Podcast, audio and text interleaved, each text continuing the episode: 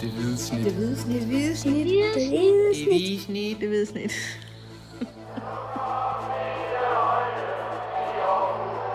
Vores bedste dage, de ligger foran os.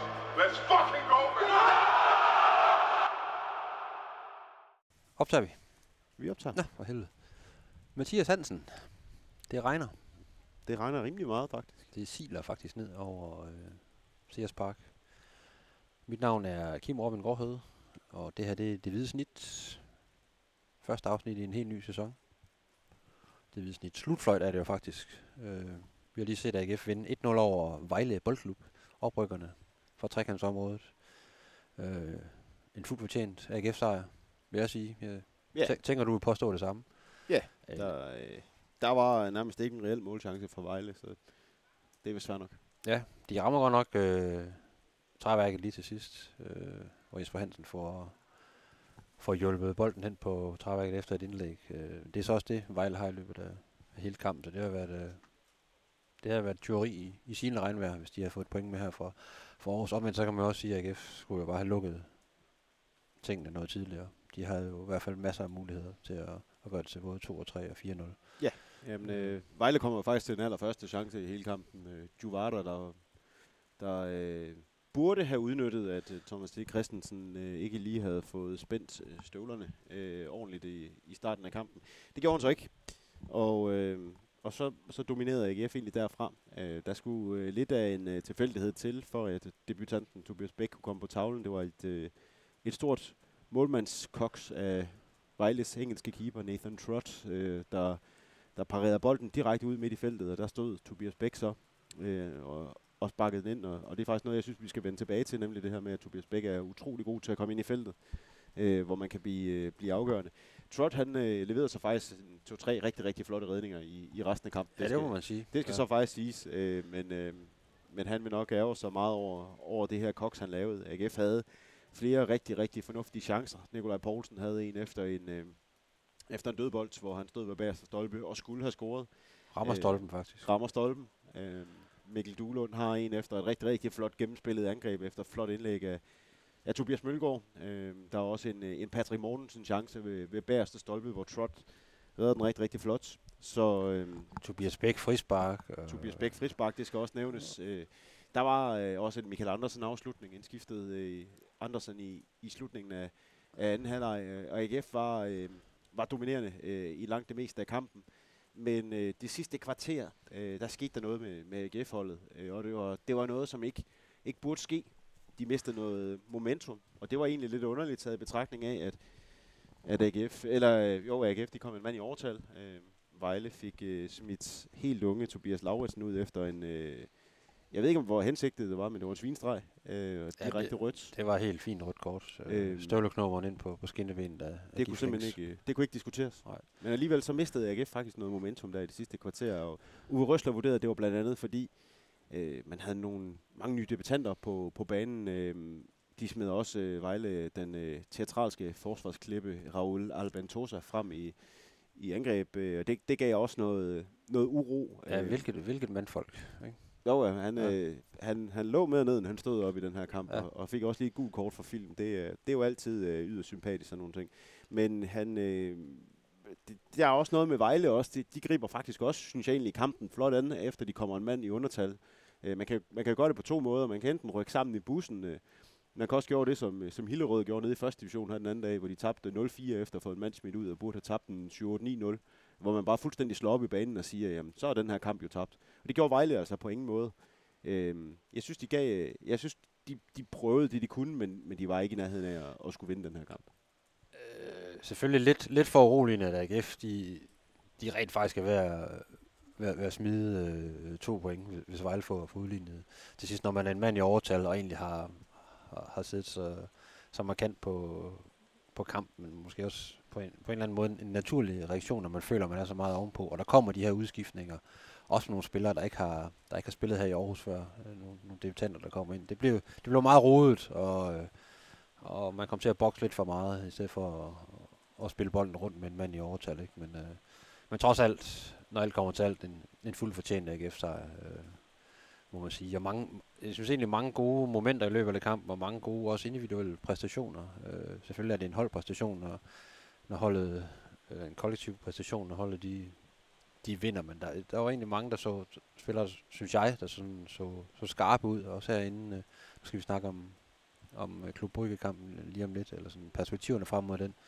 Men en, en Gifling, synes jeg, er rigtig god energi. Nikolaj Porto spiller en rigtig fin kamp. Vi har de, debutanten Tobias Bæk, øh, som også leverer en rigtig, rigtig fin kamp. Øh, sådan, øh, set over hele linjen egentlig mange gode, øh, gode præstationer. Ja, og, og så er det jo en premierekamp. Nikolaj Poulsen sagde til mig nede i mixzone, at, at sådan her havde premierekampet været i hele hans karriere. Og nu, øh, nu har jeg haft øh, lejlighed til at se tre Superliga-kampe i den her runde. Øh, Midtjylland øh, kunne også godt have smidt det mod øh, Hvidovre. Øh, de burde, Hvidovre burde have fået et, et straffespark til allersidst, der kunne have gjort det til muligvis til 1-1. Øh, FCK havde øh, problemer mod, mod Lyngby, øh, kunne, kunne simpelthen ikke rigtig sætte spillet i store dele af kampen mod Lyngby. Øh. Ej, kunne snilt have, have, have mistet point til sidst også, hvor, Præcis. hvor Lyngby er tæt på. Øhm, og der, der er bare noget med de her premierekampe. Jeg synes på en eller anden måde også, at man skal anerkende den klasse, det er, at man rent faktisk vinder jo. Altså, AGF skulle have vundet større, men, men det man vinder og får tre point, det er jo bare noget, man kan, man kan tage med videre, når man er i gang. Man har fået den første sejr, og så, så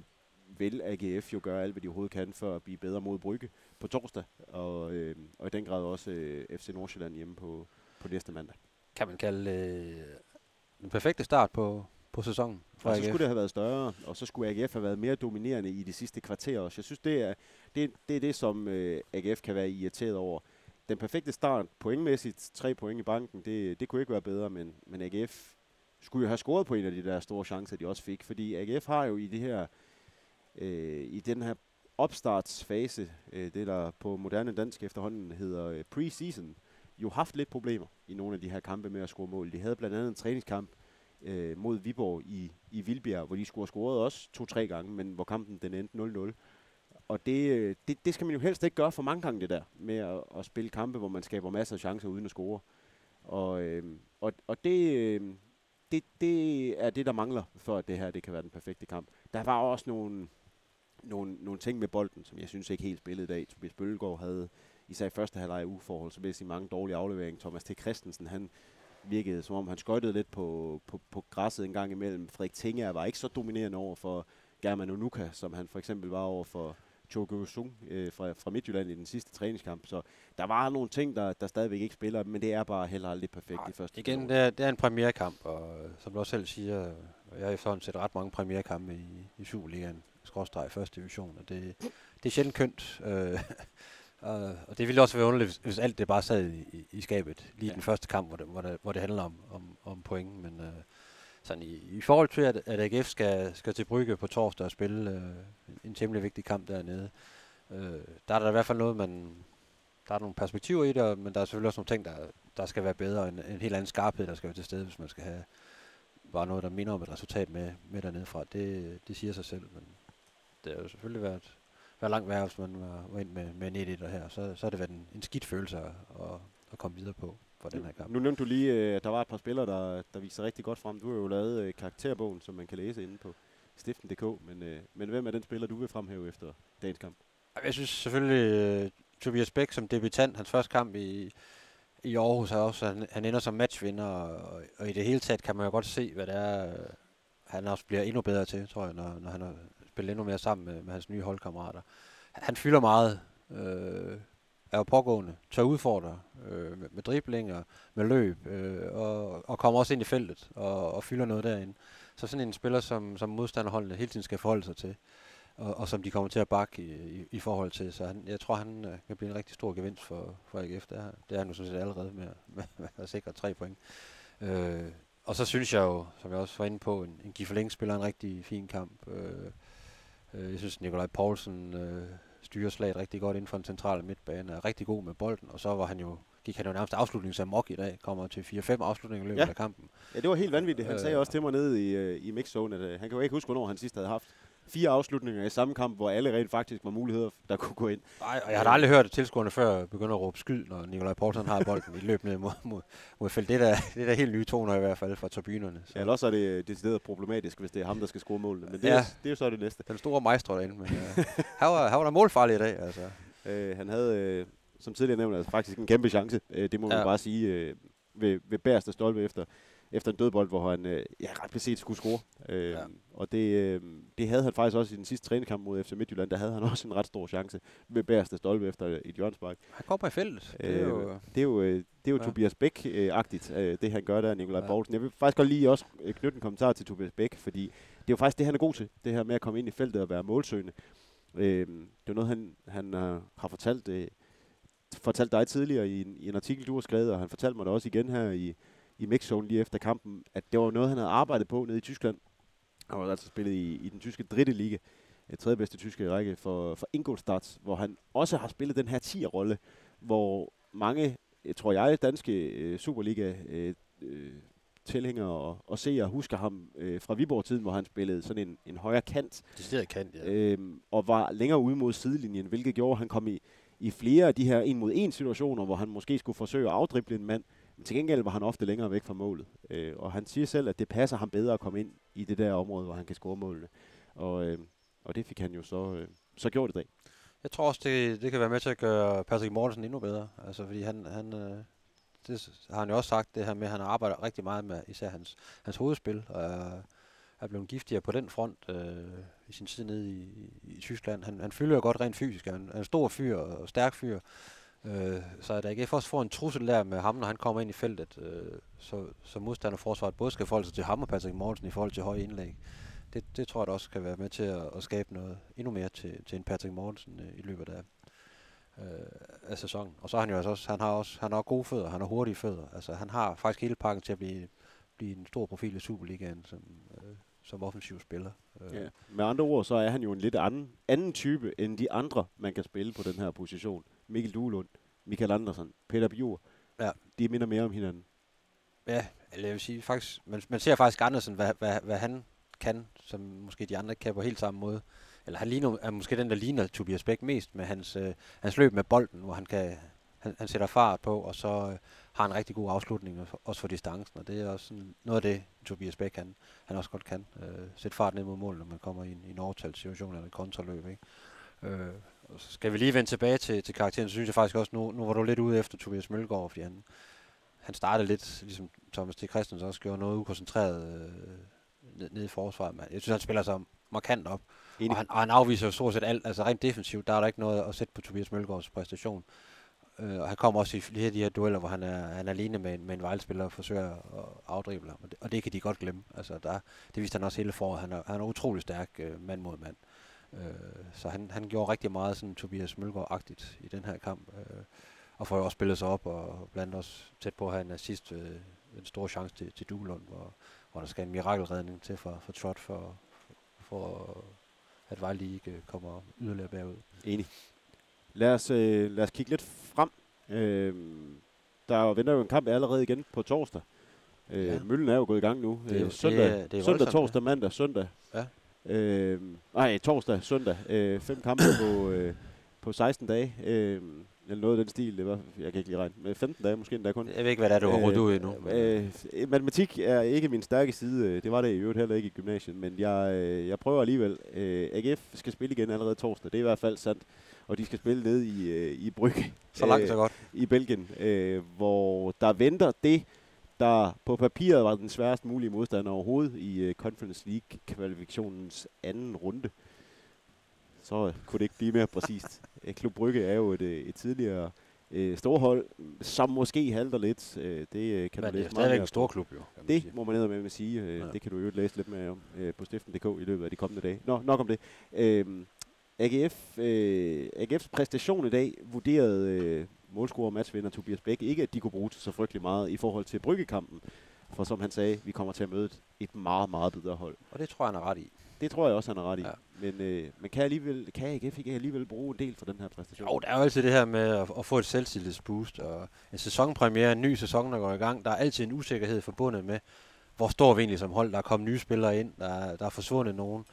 Øh, og hvordan står vi som hold i forhold til den modstander, vi nu skal møde i den første kamp. Der, der er altid en masser af usikkerhed, og også, også lidt frygt for, om man nu øh, er der, hvor man skal være, og, men også noget forventningsglæde i forhold til, øh, nu går det hele i gang igen. Ikke? Og, og, og der er det bare en forløsning, lige meget hvad, øh, at få tre point. Øh, og det giver bare et boost til sådan en, en, en trup, der, der skal finde hinanden med nogle nye spillere, der, der kommer ind. Og især for, for en debutant som Tobias Bæk, få den her succesoplevelse allerede i den første kamp i Aarhus.